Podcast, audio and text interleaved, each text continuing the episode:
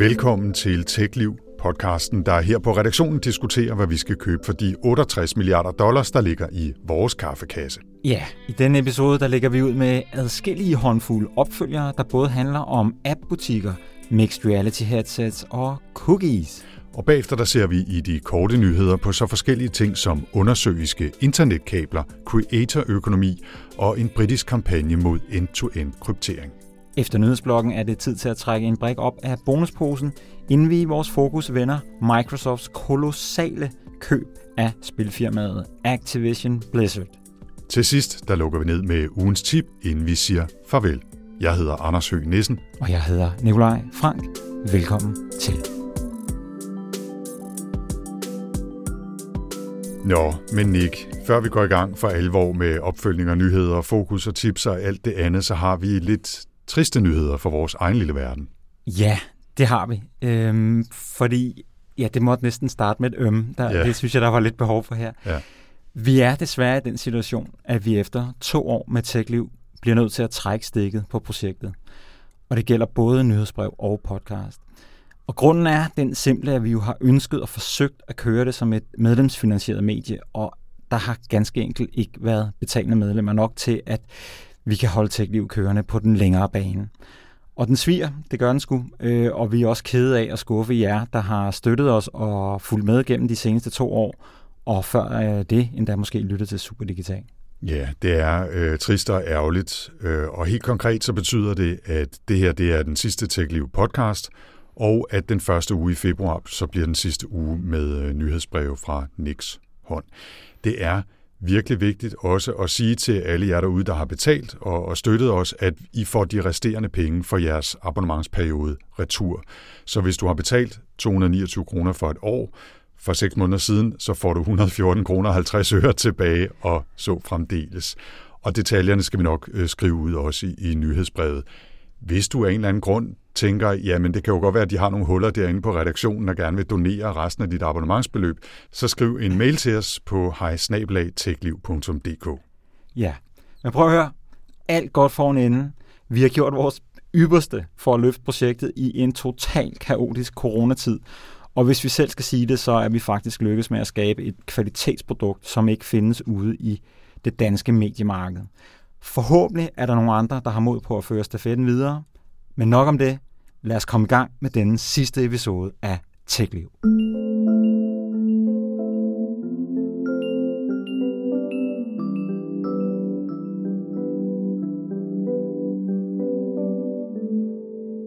Ja, vi skal i gang, for I skal ikke snydes for en sidste omgang TechLiv podcast, og vi lægger ud med en virkelig solid, skudefuld opfølgning, Nick.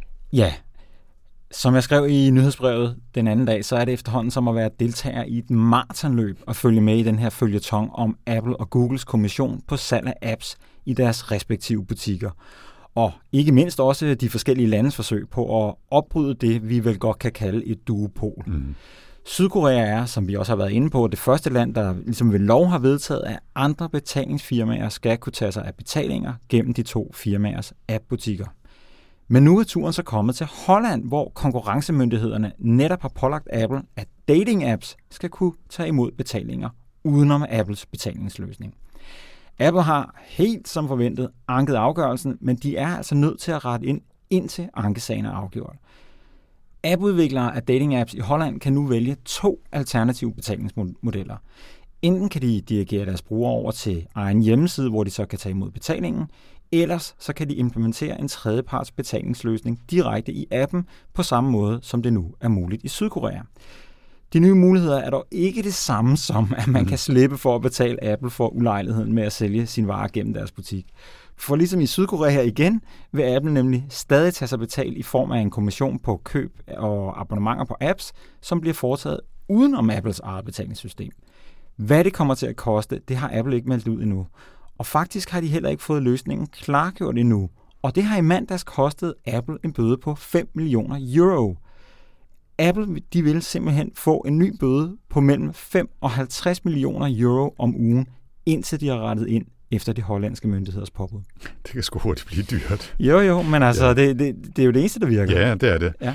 Grunden til i øvrigt, at der kun er tale om dating-apps, hvis man lige øh, slår ned på det, det er, at de hollandske myndigheder valgte at begrænse spørgsmålet om, hvorvidt Apple overtræder konkurrencelovgivningen til en specifik klage fra dating-app-branchen, heriblandt øh, Match Group, som ejer Tinder.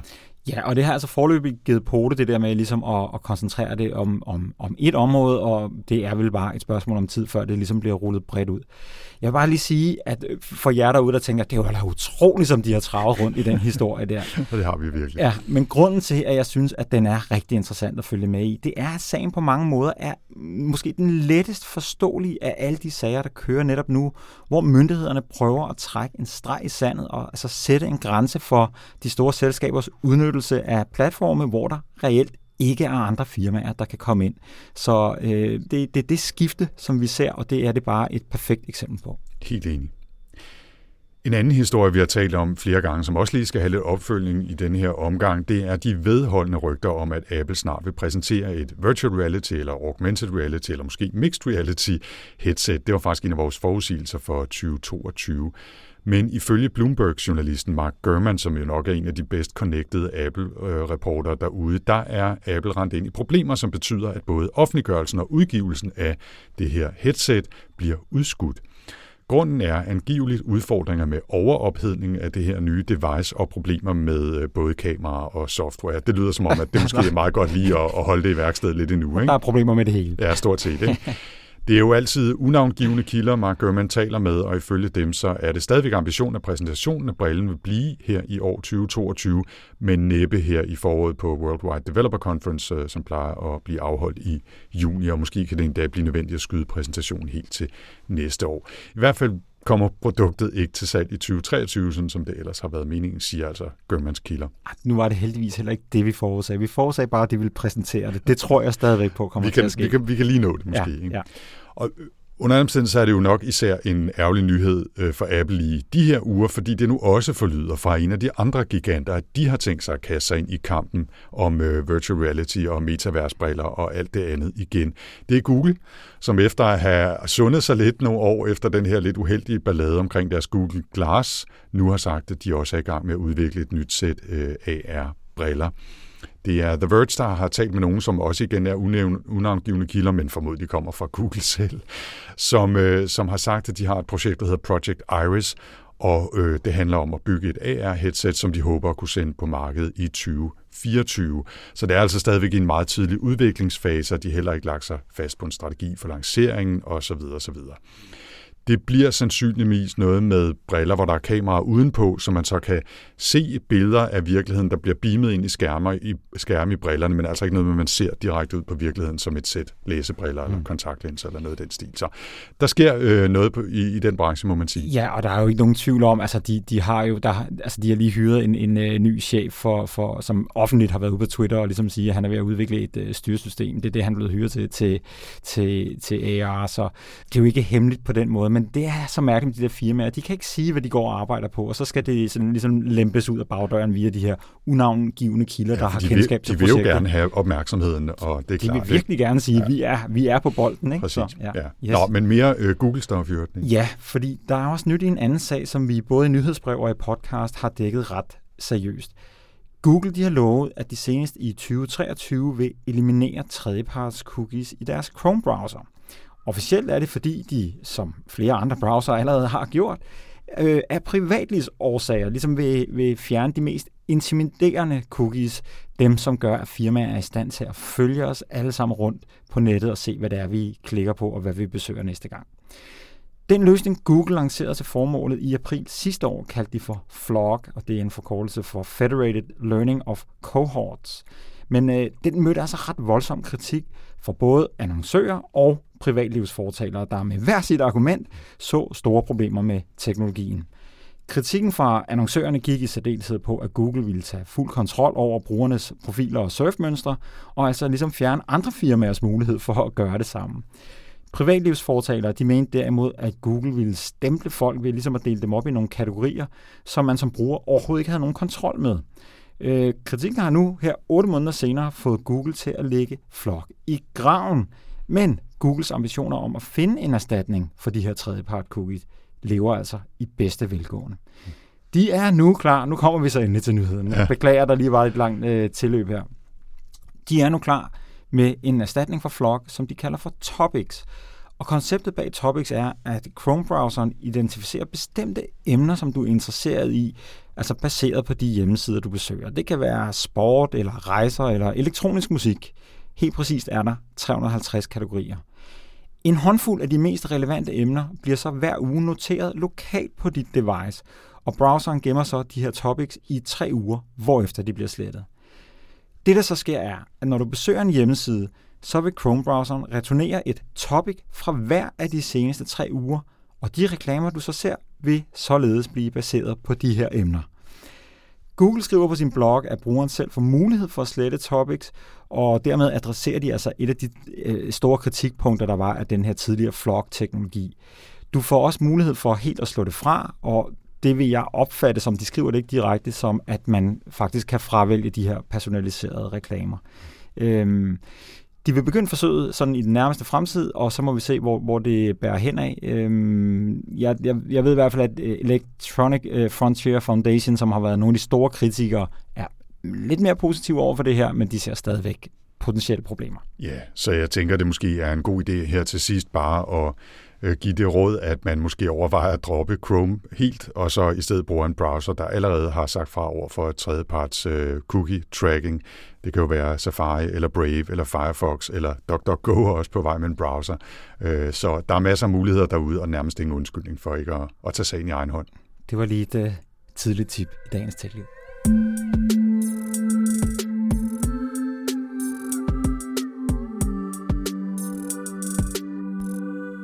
Og efter en uh, meget lang opfølger, så er vi altså kommet til de korte nyheder.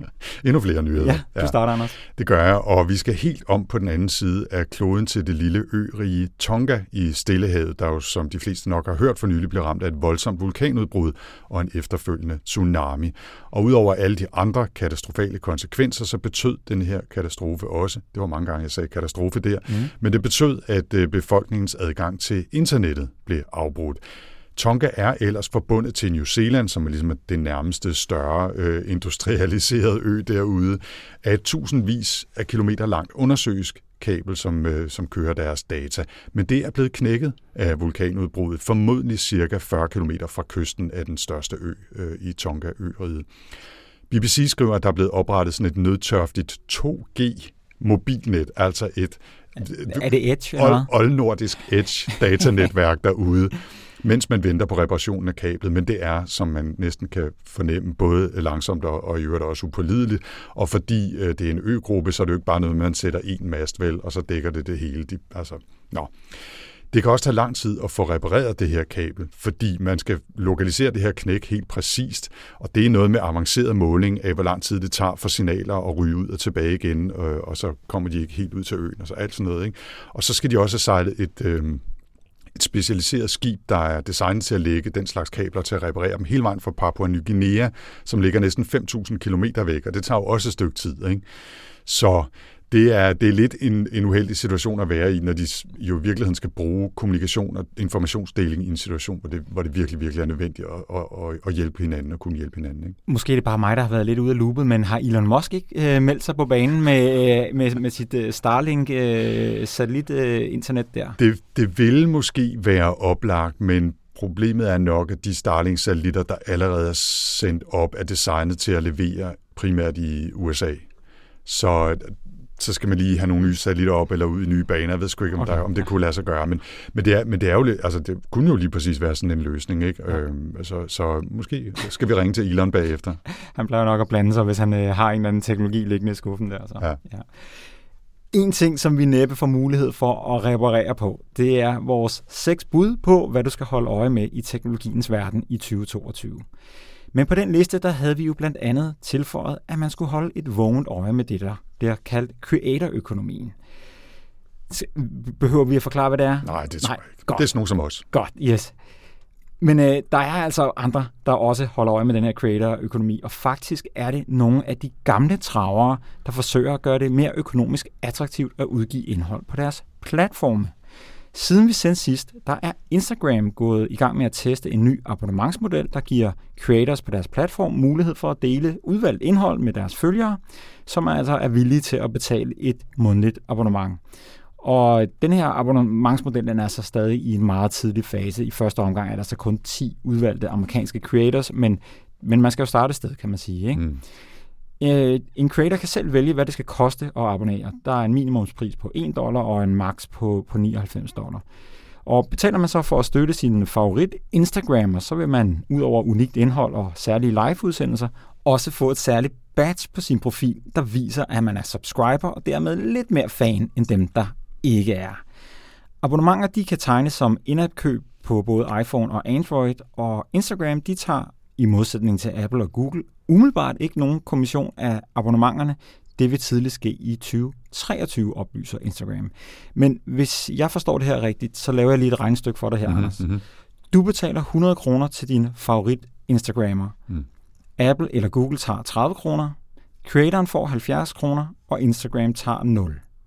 Mm. Så, det, ja, det er nok sådan. Ja, det, det tror jeg, det er. Så bare lige for at riste op, ikke? Også det der med, med, med, ja. med kommissionen der, ikke? Ja, ja. Anyways, dagen efter det her, så var det altså TikToks tur til at melde ud, at de er ved at teste en lignende abonnementsmodel. Helt som på Instagram er konceptet at lade populære creators placere udvalgt indhold bag en betalingsmur. TikTok de bekræfter i en udtalelse øh, i, til flere medier, at, øh, at, at det er, er korrekt det her, men de går slet ikke i detaljer om, hvordan det er, de tester det. Kan jeg bare lige indsparke, at, at vi måske så skulle, nu hvor vi er ved at lægge tech-liv i graven, kunne lave TikTok-liv i stedet for, og så se om vi kan få, øh, få nogle abonnementer ja. ind den vej igennem. Og jeg, jeg glæder mig simpelthen så meget til at se din første video allerede. så. Jeg, jeg synes, vi skal lige slutte her, Anders, øh, hos ja. YouTube, der, der også jo faktisk vil jeg sige, på mange måder er det jo dem, der har, har født creator-økonomien. I hvert fald nok dem, der har udbetalt flest penge til uh, creators. Det, det tror jeg bestemt også, det er. Uh, de har i, i den forgangne uge her valgt at droppe det, de kalder YouTube Originals. Det er altså den her type egenudviklede uh, produktioner, som jo er det, der har gjort noget som Netflix og HBO kæmpestore. Mm. YouTubes Chief Business Officer, han hedder Robert Kinchy, han oplyser på Twitter, at YouTube hellere vil understøtte creator-økonomien ved at allokere penge i særlige creator-fonde, som for eksempel skal sikre mere inklusion af sorte YouTubere og udvikle nye initiativer som for eksempel live shopping. Og få dage senere i det årlige brev fra YouTubes CEO, som hedder Susan Åh, oh, hvad hedder hun til efternavn? Wojcicki, ja. jeg kan faktisk ikke huske det. Yes. Men hun skrev i hvert fald følgende, og nu citerer jeg her. Det sidste år har verden inden for krypto, NFT'er og endda decentraliserede autonome organisationer, det er det, der hedder DAO'er, fremhævet en tidligere utænkelig mulighed for at udvikle forbindelsen mellem creators og deres fans. Vi er altid fokuseret på at udvide YouTube-økosystemet for at hjælpe creators med at udnytte nye teknologier, herunder ting som NFT'er, mens vi fortsætter med at styrke og forbedre de oplevelser, creators og fans har på YouTube. Yes, godt. Anyways, som du sagde, Anders, Google øh, videotjenester har forløbig udbetalt mere end 30 milliarder dollars til, til YouTubere, musikere og mediefirmaer, som lægger indhold derude, ikke også? Mm. Så... Øh, det er rigtig mange penge, ikke? Og jeg har faktisk godt lige indsparket. Jeg synes, det er en god idé med en fond i stedet for at man ligesom kun udbetaler til dem, der ligesom har flest øh, seere og sådan noget. Man prøver at skubbe lidt i nogle retninger og støtte nogle mennesker, som måske har lidt sværere ved at bryde igennem. Ikke? Så, så den idé kan jeg faktisk godt lide, ikke? og så må vi se, hvordan det lige bliver med alt det der med NFT'er og DAO og alt sådan noget. Ikke? Det, det var kun for lige at sige, altså, at den her hype, den bliver ved med at vokse. Og, og det er bare en blanding af nogle af de ting der, som vi prøvede at sige, man skulle holde øje med. Creator-økonomi og så alt det her Web3-stof, ikke? som bare er mixet ned i sådan en stor øh, balje, som alle kaster op på væggen, og så må vi se. Så ser hvad der sker. Lige præcis, ikke? Ja. Videre. Ja, i en helt anden retning. Øh, næste uge, der er der vinter-OL i øh, Beijing, i skyggen af corona, ligesom alle andre store og små arrangementer i den her tid selvfølgelig. Og det betyder blandt andet, at alle atleter og andre besøgende i Beijing er tvunget til at bruge en kinesisk udviklet app, der hedder My 2022, hvor de skal registrere deres coronastatus hver dag, og øh, det er de faktisk allerede gået i gang med her 14 dage inden øh, lejene begynder den øh, 4. tror jeg, den 4. februar. Ikke? Ja. Appen kan også bruges til, at atleter kan kommunikere indbyrdes med hinanden og, og til at vise vej rundt mellem de forskellige venues osv. Men måske så skal man lige tænke sig om en ekstra gang, før man installerer My 2022 på sin egen mobil i hvert fald, fordi Citizen Lab, som blandt andet har været stærkt involveret i afsløringerne omkring den israelske spyware Pegasus, de har kigget appen efter i sømne, og den har angiveligt nogle ret alvorlige sikkerhedsudfordringer. Fejl i krypteringen betyder blandt andet, at talebeskeder nemt kan tilgås af folk, eh, læs myndighederne, som måtte være interesseret i det, og det er også uklart, hvilke organisationer helbredsdata om atleterne og gæsterne deles med, altså deres eh, smittestatus og, og så videre. Der er også indbygget i appen en censurliste over ord, det ikke er tilladt at benytte, og selvom Citizen Lab siger, at den ikke er aktiveret, så kan det jo komme senere eller bruges til lidt at tracke baggrunden, hvem der har skrevet hvad for nogle uheldige ting om styret derover. Så anbefalingen er fuldstændig klar fra det sikkerhedsfirma, der hedder Internet øh, 2.0. Man skal købe en burner phone, som det hedder, og en burner e-mailadresse, altså noget, man kun bruger til det eneste, kun til det allermest nødvendige, og man skal droppe det igen lige så snart man er færdig med vinter-OL. Altså så når man tager afsted fra, øh, fra Beijing og ud i lufthavnen, så smider man sin, sletter man alt, hvad der er på telefonen, og smider den i skraldespanden, og man bruger aldrig den der e-mail igen til noget som helst. Og det er lidt vildt at skulle komme med sådan en anbefaling, men det er altså noget, jeg har hørt. Altså folk med, i store virksomheder, som arbejder med forretningshemmeligheder og sådan noget, og som på rejse i Kina, det har de gjort de sidste 15-20 år. Altså købt indgangs øh, mobiltelefoner og indgangscomputer, som så bare er blevet altså, smidt i en uh, shredder øh, på, vej, på vej hjem igen til Danmark. Det er lidt vildt. Det er sgu vildt, ja. ja. Altså, man skal bare over og, og, og spille lidt ishockey, ikke? Altså, så, ja. Nå, vi skal tilbage til NFT'erne. Ja, det skal vi. Øh, og der vil, jeg vil bare lige nævne som en, det er faktisk ikke det, det skal handle om, men at både øh, Facebook og Instagram, de, de har altså sagt, at de øh, overvejer at udvikle en handelsplatform for NFT'er, som kan integreres i de to populære sociale netværk.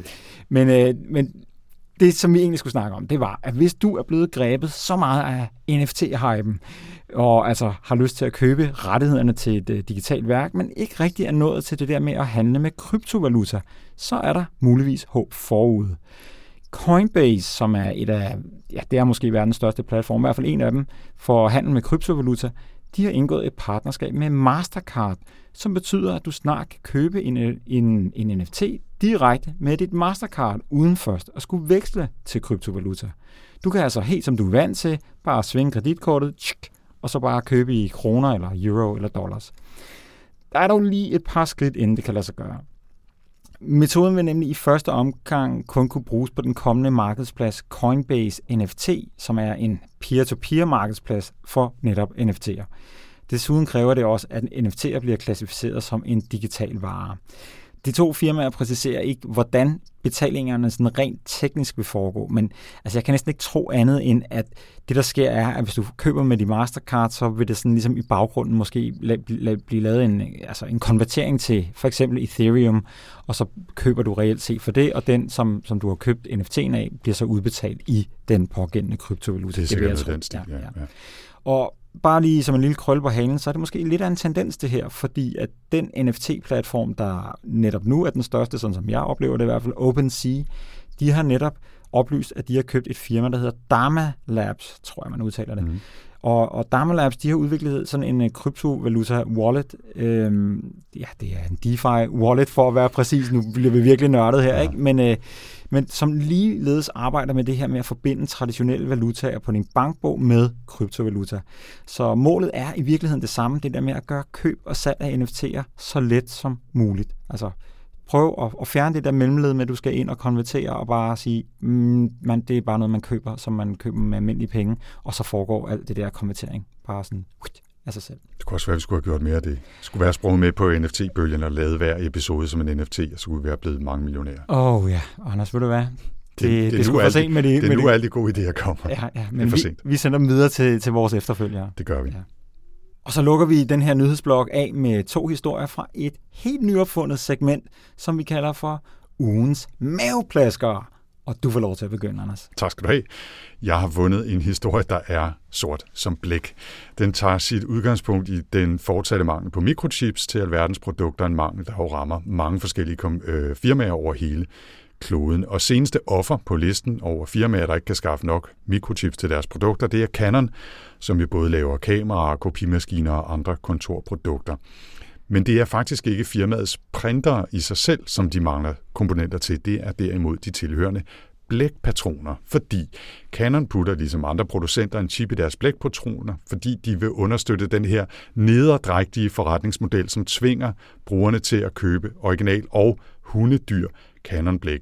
Og jeg ved ikke, om du har haft sådan en inkjet printer øh, derhjemme, Nick, og, og ved, hvordan det er, men den fornemmelsen er jo, at man skal bruge sin printer relativt sjældent. Det skal jeg i hvert fald. Så hver eneste gang, man skal printe noget, så er enten blækket størknet, eller også så fortæller den af en eller anden grund, at rød er, er, er der ikke mere tilbage af, og jeg har aldrig brugt rødt til noget som helst. og så øh, siger den, at det hele er tomt, og så skal man tage et banklån for at gå ned i en eller anden butik og købe en ny øh, print øh, øh, patron, eller også så skal man tage chancen og købe et, prodi- et kopiprodukt, og så er det lige præcis, at printeren siger, nej, ho, det er et kopiprodukt, så det kan du sandelig ikke printe med her, det vil være for nemt, ikke? Altså, inden du lige kommer til, ja. til pointen her, så altså, det er så nederen en forretningsmodel, den der. Den der med, at der er ikke mere rødt blæk, så du kan ikke få lov til at printe sort. Altså, ja. excuse me, eller den der med, din blækpatron er udløbet. Altså, øh, ja, på en eller anden dato, der er ja. blæk i, og blækken er stadigvæk flydende. Hvad sker der? Ja, men altså, det er altså, de, de, de bliver de første op af, af muren, når revolutionen kommer, det er helt sikkert. Nå, men i hvert fald så har Canon virkelig måttet æde, det sure æble den her gang. De har simpelthen publiceret en guide nu på deres hjemmeside, hvordan de forklarer brugerne, hvordan man skal smyge sig uden om de her advarsler, der siger, nej, nej, du er ved at komme uoriginal blæk i printeren, selvom det faktisk er Canons egne patroner, de har sagt, sat ind, fordi de mangler den chip, der fortæller printeren, at det her det er en original Canon print blækpatron. Så man køber altså en original Canon blæk, og for, så får man at vide på sin computerskærm, du har sat fake blækpatron i, ja. Ja, og så skal man nu smyge sig udenom det system. Ja, og heldigvis så er det relativt nemt, fordi man skal bare sige okay, I agree eller close, øh, for at få den her øh, dialogboks til at gå væk, så man kan fortsætte, men alligevel, det er bare lidt en lortesag at skulle gå ud og sælge. Ikke? Ja. Så advarer de også om i øvrigt, at øh, printerne, fordi den her chip ikke er, er i øh, patronen, at man ikke øh, kan læse, hvor meget blæk der er tilbage i patronen, så man risikerer, at der bare står 100%, indtil der en dag ikke er mere. Og ved du hvad, det vil jeg sgu næsten hellere have.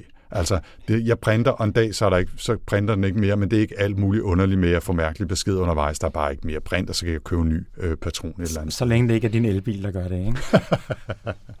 ja, klart.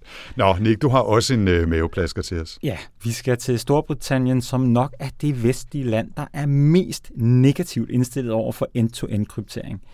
For dig og mig, Anders, der er det jo lidt sådan en, øh, en naturlighed og en menneskeret, at vi kan kommunikere sammen, uden at andre let kan følge med i vores samtaler. Men i Storbritannien, som jo i mange år har været tæppebumpet med det her CCTV-kameraovervågning i gaderne, der har man fra politisk hold nærmest indledt en heksejagt på end-to-end kryptering af beskedkommunikation. Argumentet mod end-to-end er jo som altid, at politi og efterretningstjenester skal have mulighed for at bekæmpe kriminalitet og terrorisme, og at det er svært, hvis kommunikationen er stærkt krypteret. Den seneste begivenhed, der ligesom har fået myndighederne op i det røde felt øh, over på de britiske øer, det er, at Facebook jo har planer om at end-to-end kryptere beskeder, der er sendt via Messenger. Og derfor er det britiske indrigsministerie på vej med en PR-kampagne, der har til formål at forsøge at gøre befolkningen vrede over den her krypterede kommunikation, og særligt at vende deres vrede mod Facebook. Det er meget overraskende mediet Rolling Stone, der har fået adgang til dokumenter, der beskriver den her kampagne, som myndighederne har betalt et meget højt profileret reklamefirma for at udvikle. Og den første ting, som virkelig slog mig, da jeg læste det her, det er, at de planlægger at lave en, jeg opfatter det som en video, hvor man ser en voksen og et barn, der sidder inde i en glasboks, hvor den voksne kigger sådan skummelt og ubehageligt på barnet, og herefter skifter glasset i boksen farve, så det ligesom går fra at være gennemsigtigt til at blive... Øh, Uigennemsigtigt. Ja, ja. og øh, så man ikke længere kan se, hvad der sker inde i boksen. Og på den måde forsøger de britiske myndigheder altså at skabe, tegne et billede af, at end-to-end-kryptering, det er bare øh, de pædofiles øh, halleluja-værktøj og er noget, der skader børn. De har faktisk også tænkt sig, at, som en del af den her kampagne, at sætte sådan en digital tæller op på en eller anden offentlig plads i Storbritannien, som skal tælle op til 14 millioner på 24 timer.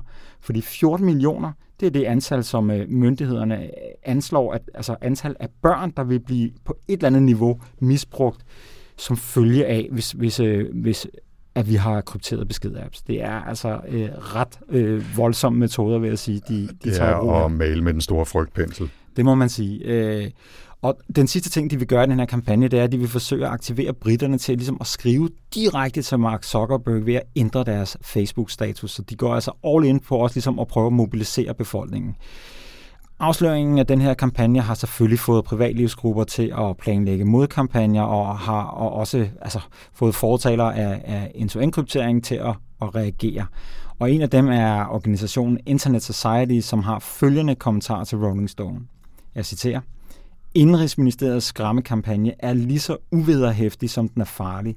Uden stærk kryptering er børn mere sårbare online end nogensinde før. Kryptering beskytter personlig sikkerhed og national sikkerhed. Det, regeringen påstår, sætter alle i fare, siger altså en gut, der hedder Robin Wilson fra Internet Society. Så... Tak, Robin. Ja. Det var i hvert fald øh, nummer to maveflasker, vil jeg sige. Og en stor en af slagsen. Ja, det synes jeg også.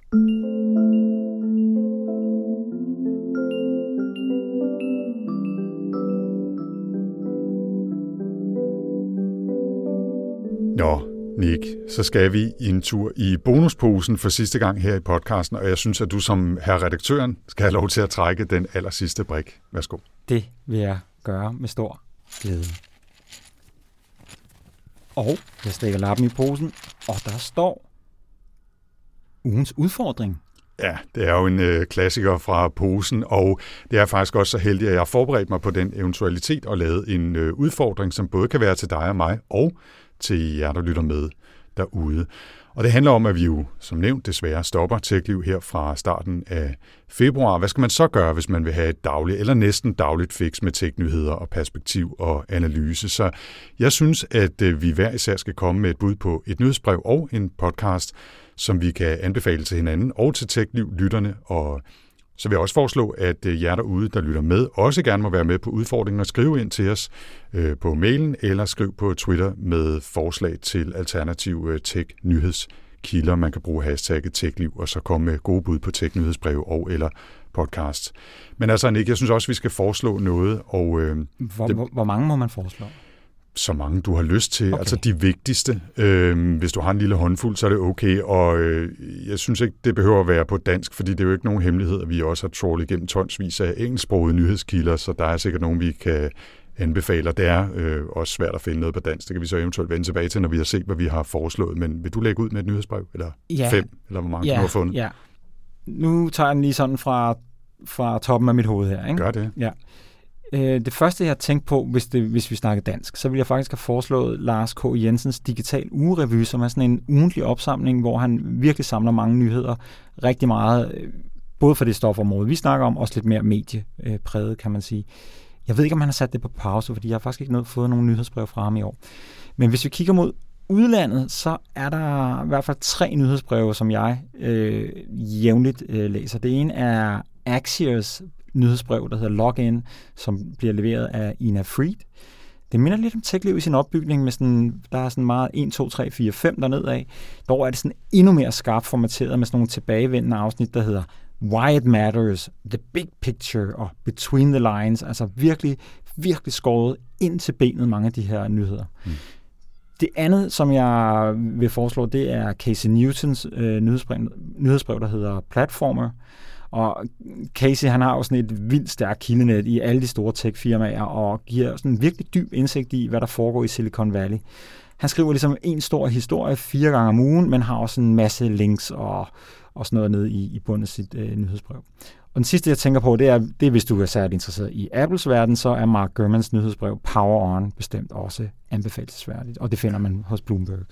Ja, virkelig gode øh, forslag. Øh, jeg, øh, jeg kan i hvert fald... Øh give mit besøg med også til Axios. Øh, de skriver generelt virkelig gode nyhedsbreve, også om øh, politik og samfund og økonomi og alt muligt andet, og virkelig gode til den der, hvad er det, hvad er det vigtige, hvad er det anderledes, hvad er kritikken, hvad skal du tage med dig herfra, så ja. det, det er ret fint. Nå, min anbefaling til nyhedsbrev, jeg har bare valgt et enkelt, men det er så også i den solide og rigtig tunge ende, det hedder The Exponential View, skrevet af en brite, der hedder Asim Azar. Øh, det koster 99 dollar om året for et abonnement, men man får virkelig mange vitaminer for de, øh, for de penge, det er helt sikkert. Der er masser af kloge analyser og gode links og fakta, og det breder sådan ret langt ud, også over i nogle ting, som vi ikke nødvendigvis har så meget fokus på, som er sådan lidt mere hardware med kvantecomputer og øh, bæredygtige teknologier og, og den slags ting. Ikke? Men det er virkelig, virkelig solidt og ekstremt øh, altså klogt. Simpelthen for at sige det rent ud. Altså man føler, man får et, øh, et, et stort vidensboost, hver gang man dykker ned i det. Yes. Og hvad så med podcast? Hvad vil du foreslå at lytte til? Ja, men ved du hvad, jeg, jeg hopper til USA igen. Mm. Øh, altså jeg synes jo, uh, The Verge podcast, som bare hedder The Verge Cast, det er en oldie but goldie. Mm. Altså, jeg synes jo, at The Verge er det stærkeste tech-medie, der er derude. De har en, en rigtig solid blanding af kultur og politik og gadgets, og det er også lidt den ånd, som vi har kørt TechLiv i, det der med, at, at man både øh, kigger på det nære, men også på, på det store billede. Mm. Øh, derudover så kan jeg altså ikke lade være at anbefale den gale professor Scott Galloway. Han, han laver både den her podcast, der hedder Pivot, sammen med Kara Swisher, øh, men han har også sin egen podcast, der hedder The Prof G Pod. Han snakker nogle gange lidt meget business og sådan amerikanske dagsordner, men der er altså masser af interessant tech-snak også, og så er han bare underholdende, politisk hammerne ukorrekt, og ikke mindst bare skarp og mekant. Altså. Ja, ja. Så det, det er sjovt at høre. Altså. Ja, gode anbefalinger. Ja. Mine anbefalinger er, altså det er måske mest oplagte, hvis man virkelig er interesseret i at få et dagligt øh, sprøjt af teknyheder, faktisk fra hele verden, så skal man absolut lytte til øh, Daily Tech News Show som, øh, som faktisk er en klassiker og vokser ud af noget gammelt CNET-stof og noget Twit-network-stof, øh, og det, det har bare kørt, og det er bare fast i min øh, podcast-afspiller, hver gang jeg vil vide, hvad der foregår, og få god analyse af de vigtigste historier fra, fra dagen og ugen, jamen så åbner jeg for, for Daily Tech News Show, og det er Patreon-støttet, så øh, man kan, man kan smide så, så få eller så mange dollars, man har lyst øh, til at lytte med, øh, og man kan også bare lytte gratis, hvis det er det. Det er altså virkelig, virkelig solidt øh, stof. Tom Merritt, øh, som er hovedverden, har faste værter og så også en masse gæsteværter, og han har en kapacitet. Jeg forstår simpelthen ikke, hvordan han holder sig så godt orienteret, men det gør han. Det gør han. Øhm, lidt mere temabaseret, og lidt tættere måske på os her i Europa, så laver BBC World en podcast, der Digital Planet, som faktisk har eksisteret i snart 30 år, hvis jeg ikke tager meget fejl. Det er, det er ret næsten ligesom harddisken. Ja, det er faktisk meget, kørt meget parallelt med harddisken, så lukkede harddisken bare, men Digital Planet øh, fortsatte. Så det er sådan lidt mere temabaseret. Øh, sidste uge kiggede de for eksempel på øh, teknologi i Afrika og, og sådan noget. Ikke? Men altså virkelig, virkelig solidt. Og øh, Exponential View i øvrigt, kan jeg lige parentes smide ind, øh, pod, nyhedsbrevet, som jeg nævnte før, de, han laver også en podcast, hvor han hver uge interviewer en gæst, hvor man så dykker dybt ned i et emne, og det er, det er ikke, ikke for børn. Altså det er ret øh, avanceret stof, og det er bedst, hvis man har et, et sted at starte fra, men det er også en gratis øh, indgang, kan man sige, til stoffet i hvert fald. Og så vil jeg sige, hvis man er øh, Appleoman, så er øh, Relay FM's to podcast Connected og Upgrade øh, de er ugenlige og giver en god indføring med debat i, øh, i Apple-verdenen. Ved du hvad, jeg, mens vi står og snakker her, så bliver vi da næsten også nødt til at nævne Ben Thompson. Og Strategery? Ja. Mm. Ja, Strategery, det er altså nogle, nogle virkelig hardcore analyser øh, af, af de store begivenheder, der sker i, i tech-verdenen, og han er altså super skarp. Øh, det, det er han. Det er, ja, han, altså. det, det er helt sikkert. Han, han, har, han har gode analytiske evner, og det er også derfor, ja. han har som den første faktisk opbygget en rigtig solid øh, nyhedsbrevsforretning, kan ja. man sige. Ikke? Så. Jeg synes lige, øh, jeg nævnte det kort før, men jeg synes lige, øh, jeg vil smide på bordet også, at det faktisk øh, har været lidt svært at finde gode ting at anbefale, når det gælder tech og podcast øh, her i Danmark øh, og på dansk. Altså, der er jo rigtig fine podcast, som min tidligere kollega Henrik Fønses øh, Tektopia, som bliver udgivet af Ida, men det er meget sådan temabaseret, altså øh, et tema om elbiler eller automatisering eller bæredygtighed per, per ugenlig øh, episode. Og, og der er ikke rigtig noget derude, synes vi, eller ikke noget, vi har opdaget, som ligesom giver mening, som, øh, som er sådan ulig eller 14, 14-dagslig øh, øh tech-nyheds overblik med analyse og perspektiv. Så altså, hvis der er noget derude, vi har overset, så, så er det, man kan melde ind øh, til os eller skrive på, på Twitter med hashtagget TechLiv og, og, og dele det med andre. Men det er jo sådan lidt tragisk et eller andet sted. Øh, der er trods alt øh, 6 millioner potentielle lyttere derude, der, synes jeg, godt kunne have nytte af sådan en, øh, en podcast. Ja, så er der jo også bare det der element af, at øh, det her digitalisering og teknologi, det, jeg har på fornemmelsen, det er kommet for at blive. øhm, det tror du har Så på en eller anden måde er det jo meget rart at være på forkant med, hvad det er for en, en, en, en fremtid, vi går i møde. Ja. ja. Så god læsning, god lytning og øh, held og lykke, hvis du har lyst til at prøve derude og starte en ny øh, Teknyheds podcast. Yep.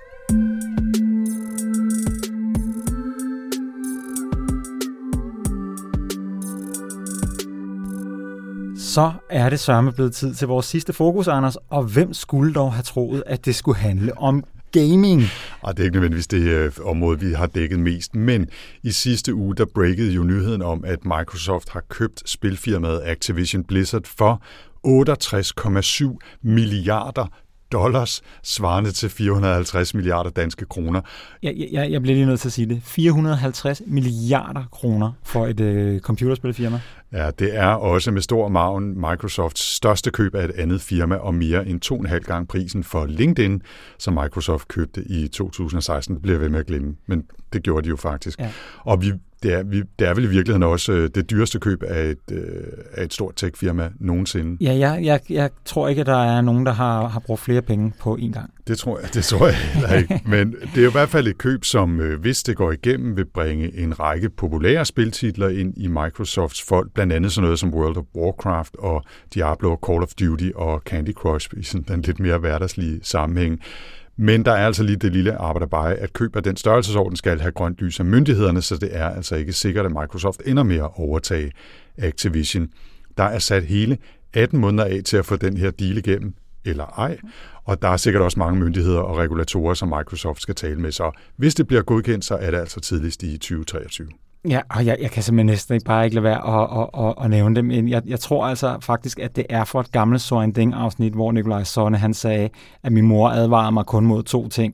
Heroin og World of Warcraft. Men, øh, men øh, jeg, jeg, jeg mindes altså, det har været på... Øh... Så er det jo en god deal, hvis det, er, hvis det er digitale stoffer til hele verden, de har købt. Ja. Øh, okay, men anyways, det som vi skal snakke om, Anders, det er jo, hvordan kan et spilfirma have så stor værdi for Microsoft, at direktør Satya Nadella og bestyrelsen vælger at sprænge banken for et firma, der til med har været ramt af nogle relativt alvorlige sager om diskriminering og sexchikane. Og det har vi samlet nogle bud på, og Anders, nu er jeg jo en person, der slet ikke gamer. Altså, jeg har spillet et par omgange Wordle her de, de seneste uger. Det er, sgu, det er meget sjovt. Ja, ja. Men, øh, men jeg spiller virkelig aldrig. Så kan du ikke hjælpe mig lidt her? Hvorfor har gaming så stor værdi?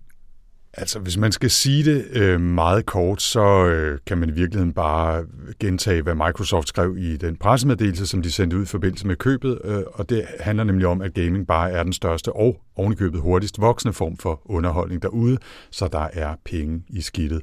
Og det er faktisk lidt vildt, fordi det kan godt være, at streamingvideo er stort, og der er mange, der laver musik og, og lytter musik, og mange, der læser bøger og hører podcaster og den slags ting, men gaming, det er bare det største. Og det er lidt crazy, at sådan har det faktisk været i en del år efterhånden. Det er bare stadigvæk lidt svært for både spilbranchen og gamer at slippe, med det, slippe af med det her ry af, at de er en opkomling, og at det er sådan lidt pizza og fedtet hår øh, suspekt. Ikke? Men det er en kæmpe forretning, og der er milliarder, bogstaveligt talt milliarder af mennesker, der spiller spil på forskellige måder. Nogle på mobilen, nogle på PC, nogle på konsol og nogle i VR. Ikke? Ifølge Microsoft der er der 3 milliarder mennesker på kloden, der gamer regelmæssigt, og man forventer, at det tal stiger til 4,5 milliard allerede i 2030. Så det er simpelthen en strategisk investering, som ifølge Microsoft selv placerer dem som det tredje mest indtjenende spilfirma, kun overgået af kinesiske Tencent og japanske Sony. Ja, øh, så det er altså det er et spørgsmål om at, at købe ind i et marked, der bliver ved med at vokse. Lige præcis. Yes, okay. Ja. Men der er jo mere til det end det. Mm. Vi har jo skrevet og snakket en hel del om Meta, Mark Zuckerberg og metaverset de, de senere måneder. Men faktisk var det Satya Nadella, der var den første af de store tech-firmaers CEOs, der begyndte at tale om metaverset i foråret sidste år. Og netop fremtiden for metaverset er en underliggende årsag til det her kæmpe køb. Det siger han også selv, Nadella, i, i, i pressemeddelelsen, øh, som Microsoft sendte ud. Der siger han, Gaming er den mest dynamiske og spændende kategori inden for underholdning på tværs af alle platforme i dag, og vil spille en central rolle i udviklingen af metaversets platform. Fordi det er jo nemlig lige præcis for spilverdenen, at mange allerede bevæger sig ud i sådan nogle lidt virtuelle universer, og sådan universer, hvor man er repræsenteret ved en avatar, og hvor man indgår i nogle online fællesskaber og, og venskaber for den sags skyld mm. også. Ikke? Mm. Og Nadella han nævner helt konkret de tre piller, som Microsoft ligesom satser på. Det er content, det er community, og det er cloud. Og skyen, det er jo allerede Microsofts største forretning. Mm. Så det er altså content, og community, som de køber, køber sig ind i her. Ikke? Og der er næppe heller tvivl om, at særligt Metas aggressiv færd med et uh, ret succesfuldt headset, altså Oculus Quest 2, og også lancering af flere metaverse-apps, og desuden at Apple, som vi har snakket om, også er på trapperne med noget lignende, at det formentlig tvinger Microsoft til hurtigt at, at lancere noget, der også kan ramme den almindelige forbruger. Altså, Microsoft kan jo ikke risikere en gentagelse af det, der skete i den mobile tidsalder, hvor Apple og Google tog det hele. Så sådan som jeg ser det, Microsoft har allerede HoloLens, men det er jo, et, det, det er jo for dyrt til ja, at, at være til den almindelige forbruger. Til enterprise-brug, ikke? Ja, ja, ja. men det, det kræver nok ikke så meget. Det har de arbejdet med. De har haft det ude hos almindelige mennesker, altså almindelige i, i gåsøjne i podcastverdenen her, men altså i, i virksomheder i fem år. Ikke? Jeg tror, at de inden alt for længe er klar med et billigere headset. Og det kommer til at køre deres eget styresystem, og de har deres egen App Store. Og så har de jo så også nu øh, nogle spil, som formentlig relativt nemt kan konverteres til, til, til briller, og også en masse udviklere, som kan udvikle nogle øh, metaverse-apps baseret på de her spil. Og det tror jeg er, er formularen, hvis du gerne vil gøre dig i, det næste, i den næste kamp mod særligt Meta, som jo allerede er godt på vej med, med hele den pakke også. De mangler bare deres eget styresystem. Ja, det øh, går de jo så også arbejde på med svingende held, ikke? ja. Det er øh, stadig uklart, om Microsoft vil vælge at gøre en eller flere af de nyindkøbte spiltitler eksklusive på den abonnementsspiltjeneste, de har, der hedder Game Pass. Og det er en spiltjeneste, som har haft rimelig meget vind i sejlene, siden den blev lanceret for, for et par år siden. Den har 25 millioner brugere og bliver også betragtet som en af de absolut bedste deals i spilleland, fordi man får en god pris for adgang til så mange gode spil, og endda også på tværs af platforme, øh, altså Xbox, PC og så videre. Ikke? Jeg tror, det koster 99 kroner om måneden. Det er en ja. virkelig god pris. Altså, nu må jeg også sige, at du har sagt, at du er ikke gamer, og det er også et stykke tid siden, jeg har været det, men, men de mennesker, jeg taler med, som er det, de kan simpelthen ikke komme ned af, af altså få armene ned over, hvor god en deal det er for dem, og hvor meget de kan spille for, for de her 99 kroner om måneden. Men de regner selvfølgelig også med, at øh, de her spiltitler kan gøre, at Game Pass kan tilføje nye betalende brugere og vokse meget. Også selvom spillene skulle være tilgængelige på andre platformer, der er så en, øh, en del uklarheder i forhold til, hvad for nogle titler, der eventuelt også kunne være på PlayStation eller øh, øh, øh, andre steder. Men, men altså, det er noget, der må komme øh, til den tid, når, når, når det lander. De holder dog nok en række titler for sig selv, som kan være med til at bringe kunder ind i butikken. Og men kan det også godt være, hvis de gerne vil have den her handel til at gå igennem, at de måske lige starter med i hvert fald, og så lader det være tilgængeligt på andre platforme. Ikke? Ja, det, det tænker man. Ja. Og så er, er nye brugere jo altså bare en vare her et eller andet sted, som man handler med. Ikke? Altså, så øh, Activision Blizzard har en masse spiltitler med op til 400 millioner månedligt aktive brugere, og det er jo potentielle abonnenter på Xbox øh, Game Pass, så det er selvfølgelig også noget af det, man kører, øh, køber. Nu sagde vi før, at der var 3 milliarder, måske 4,5 om nogle få år, som, som spiller spil øh, rundt omkring på kloden, og og det er jo også noget, som er blevet for mænd og kvinder i alle aldre. Øhm, men altså, det handler om at skaffe nogle, nogle mennesker, og helst også nogle unge mennesker. Det var også det, de gjorde, eller forsøgte at gøre med købet af Minecraft i sin tid, ikke? som man kan få ind i, i folden, og som så måske også bare nu, de er der alligevel, fortsætter med at blive Microsoft-kunder på andre måder. Måske også, når de går ud i den professionelle verden. Ikke? Så, og så får de også i øvrigt en, en række mobilspils-apps, for eksempel uh, Candy Crush, som jo også er vigtigt, fordi så mange af de 3 milliarder mennesker, der spiller, spiller på mobilen. Ja, den sidste ting, vi lige skal ind på her, og vi har faktisk allerede været lidt inde på det, det er jo, at der næppe er tvivl om, at Microsoft allerede tænker på den fremtid, der kommer efter den mobile tidsalder. Satya Nadella sagde det egentlig meget direkte ved det her investor call, som er en del af det der cirkus, der omkranser, når man laver sådan en enorm investering, hvor han, hvor han altså indirekte, men alligevel meget præcis sagde, at han er træt af, at Apple og Google tager en kæmpe del af indtægterne, netop for de her mobilspil, du snakker om, via de her 30% kommission.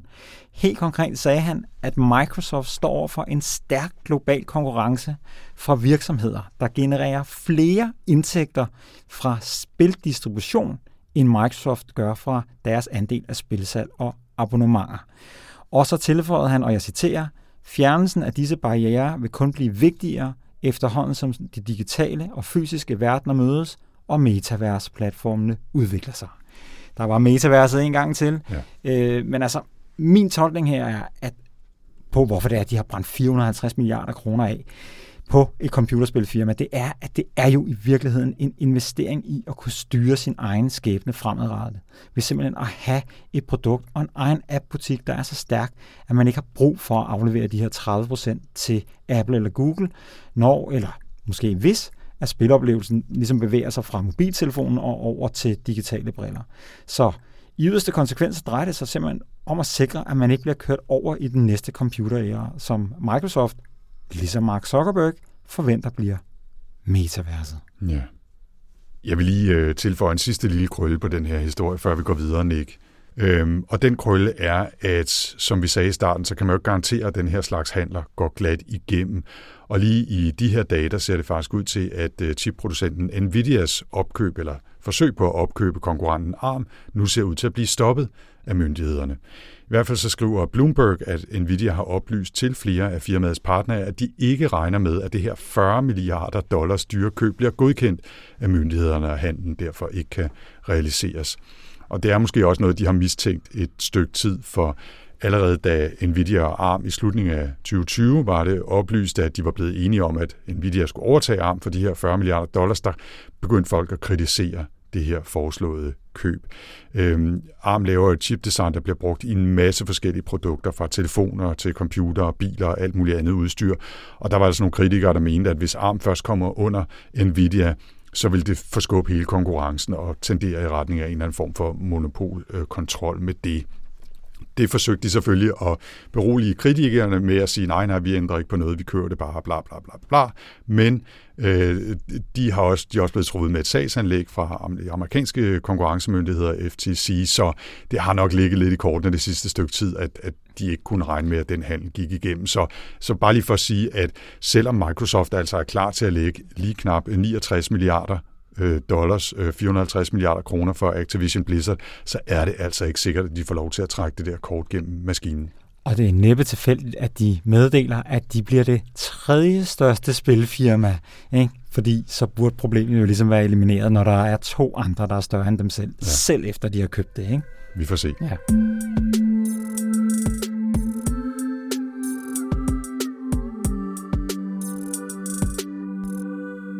Og så er vi ved at nærme os det endelige farvel, men vi skal lige have et ugens tip, som traditionen byder, og selvom det måske bliver en lidt særlig udgave, ikke?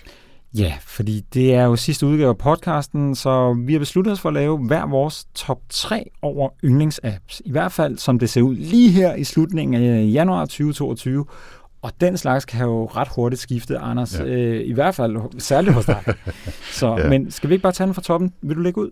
Ja, det vil jeg gerne. Øh, I uprioriteret rækkefølge, tror jeg, jeg vil sige. Men den første er Overcast, som er min favorit podcast-app, og ifølge batteriindikatoren på min telefon, den app, jeg bruger absolut mest tid i på min iPhone. Altså jeg lytter så meget podcast, og det er jo en fantastisk app, fordi den har et godt interface. Den har gode muligheder for at tilpasse, hvor mange episoder, hvilke øh, podcast man vil downloade, hvornår og gemme, og øh, man kan indstille, hvordan knapperne på ens headset for eksempel skal virke til at styre podcasten, og man kan ovenikøbet angive, hvilken farve ikonet skal have osv. Og jeg, jeg synes, ja selvfølgelig, og jeg synes, det er en, øh, en skidegod podcast-app. Det desværre kun til, øh, til Apple-folket, men altså er man derovre i det økosystem, så er det den hands down bedste podcast-app derude. Så vil jeg gerne foreslå en anden app, der hedder Noteplan, og det er sådan lidt mere øh, eksotisk, kan man sige. Det er en kombineret notekalender to-do-app, som bruger det her tekstbaserede markdown øh, formateringssprog til dokumenterne, og som så kan udvides med forskellige plugins. Og det er altså der, hvor jeg planlægger mit liv lige for tiden, altså i både kalender og, og to-do-opgaver og mere generelle noter og, og sådan noget. Og det fungerer, spiller virkelig godt sammen, og sådan en lille indie-udviklerhus, der laver det. Og, øh, og så er det bare fedt at have sådan et økosystem af folk, der laver plugins til os. Det er, det er sgu ret cool. Mm. Og den sidste, jeg vil foreslå, det er også en app, jeg bruger hver dag og hele tiden, også på mit øh, ur. Den hedder Streaks. Og jeg tror måske, jeg har nævnt den tidligere, det kan jeg faktisk ikke huske, men det er en app til at tracke vaner i hverdagen. Både ting, man vil gøre mere af, som at gå ture, eller læse, eller drikke vand, eller hvad det nu er, eller måske ting, man vil gøre mindre af, drikke mindre kaffe, eller, eller lade være med at se helt så mange film på Netflix, eller hvad det er, er man nu helst ikke vil gøre. Og den kan altså både indstilles med, at man gør nogle ting på bestemte dage, og man kan gøre det flere gange om dagen, og man kan få notifikationer og se en masse statistik selvfølgelig over, hvordan det går. Ikke? Så, så Streaks øh, er, er min app. Så de tre, altså Overcast, Podcast, Noteplan, øh, kalender, planlægning, ballade og Streaks, hverdagsvane, tracking. Yes. Hvad siger du? God bud. Jamen altså, jeg tror, øh, jeg, jeg har prøvet at vælge øh, nogle apps, som øh, gør mig rigtig glad, og nogle, som jeg bruger hele tiden og hver dag. Den første, og den har, jeg tror, jeg har tippet til den fire gange for, ja. for den trofaste lytter derude. Men Ulysses, øh, det er et lidt mærkeligt navn, men øh, som jo er den app, jeg bruger til at skrive alle de nyhedsbreve, som jeg har skrevet, er skrevet i Ulysses, hver og en. Og jeg bruger den her app flere timer om dagen, og det er lidt som du snakker om med, med Noteplan, det er også det her Markdown øh, format, man skriver i. Det er, Markdown er lidt svært lige at, at forklare, men det er bare en måde at formatere tekst på, som er meget simpel, og hvor man slipper for det der, som sker, hvis man er inde i et Word-dokument, hvor pludselig så har nogle af bogstaverne en anden størrelse og en anden skrifttype og har nogle indrykninger og alt sådan noget. Det eksisterer ikke. Det er en super ren brugerflade, og det er bare et mega fedt program mm. at skrive i. Ulysses.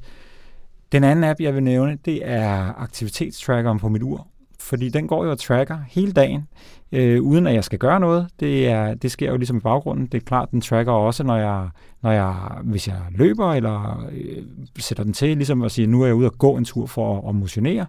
Men ellers så går den bare tracker der i, i, i baggrunden, og vi har snakket om det, at det er noget, vi begge to holder af, det der med at prøve at nå vores øh, daglige motionsmål. Ja, jeg tjekkede lige øh, helt ubevidst, da du begyndte at snakke om, hvor, hvor mange af mine uh, 10 km, jeg havde gået i dag, og jeg mangler, mangler altså halvanden kilometer endnu, så okay, jeg må ud i eftermiddag. Yes, ja. så, så det er bare sådan det der med, øh, faktisk, øh, når teknologi bare virker i baggrunden på en eller anden måde, som jeg, som jeg synes er ret fedt. Øh, og det er jo ikke, fordi den har et fedt interface eller noget. Det er slet ikke sådan. Det der med, at jeg bruger det bare hver eneste dag. Mm. Og den sidste ting, jeg vil nævne, og, og det er måske lidt, øh, hmm, det ved jeg ikke, kan man kalde det en app, men jeg vil sige Siri. Og det er ikke fordi, at jeg ikke har et meget stort had-kærlighedsforhold til, til den her digitale assistent, fordi guderne skal vide, at den er et hul i jorden alt for ofte. Men jeg bruger bare stemmestyring hver eneste dag. Hver eneste dag bruger jeg det til nogle forskellige kommandoer. Øh, og jeg synes, at øh, det er, det kan noget, det der med at, at styre sine sin dimser og, og sætte en reminder og tilføje noget til indkøbslisten og lige at starte en timer og sende en besked og øh, ringe lige op til den her person. Der er så mange ting, som jeg bruger det til, som er de der helt små, korte interaktioner. Og øh, så det, det har jeg simpelthen valgt som, som min tredje. Og, der, og der er, jeg er sikker på, hvis du bruger en anden digital assistent derude, det vil jo nok typisk være Googles, så forstår den formentlig præcis lige så godt, øh, hvad, hvad det er, du siger, og måske også bedre. Lidt afhængig af, hvad det er, du siger. Mm. Men øh, i, i, hvert fald, i hvert fald, så, øh, så var det mit tredje bud. Så ja. Ulysses, aktivitetstrackeren på mit ur, og Siri. Og jeg tror godt, vi kan love, at vi linker til alle de her seks i alt tips fra vores show notes. Det gør vi.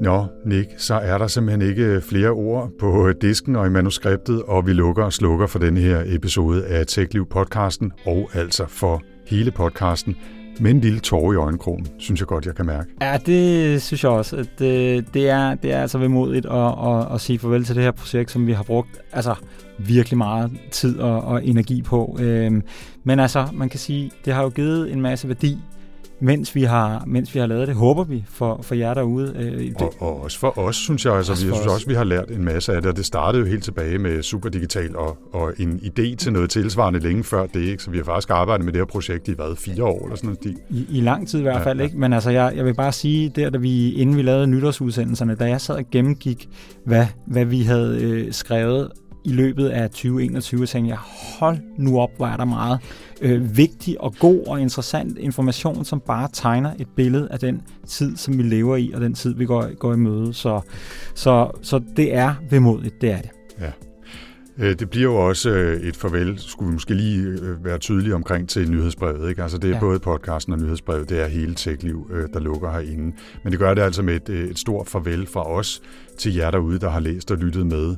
Øh, tusind tak, fordi I, I var derude, og særligt tak selvfølgelig til alle jer, der har været søde til at skrive ind med ris og ros og kommentarer, feedback og spørgsmål. Og selvfølgelig også til jer, der har valgt at støtte os undervejs øh, og vise, at I troede på, at det kunne lade sig gøre at lave TechLiv, også selvom det så ikke viser sig at være holdbart og bæredygtigt i, i det lange forløb. Men det har været en fornøjelse at tale til jer og tale med jer. Jeg siger bare det samme som Anders. Gør Helt det. det samme som Anders, men bare tusind tak for al jeres støtte, og så vil jeg også bare sige, at hvis I stadigvæk har lyst til at følge med i, hvad vi kommer til at gå og, og bikse med, så kan I jo finde os på Twitter, hvor at du hedder Snabelag 4ND3RS. Og jeg hedder Snabelag Nikolaj Frank. Man kan sikkert også finde os på LinkedIn. Der hedder jeg nok også noget, der minder om Nikolaj Frank, og du hedder sikkert... uh, Android Link Magnissen. ja. Det var et lille callback til sidste episode. Tilbage er der så bare at gentage, at TechLiv-podcasten altså ikke vender tilbage om 14 dage, men så kan du måske tage et lyt på en af vores anbefalinger fra tidligere, eller holde øje med hashtagget TechLiv på Twitter, hvor I derude forhåbentlig kan hjælpe hinanden med gode forslag til alternativ lytning. Tak igen, fordi I lyttede med. Jeg hedder Nikolaj Frank. Og jeg hedder Anders Høgh Nissen. Tak for denne gang.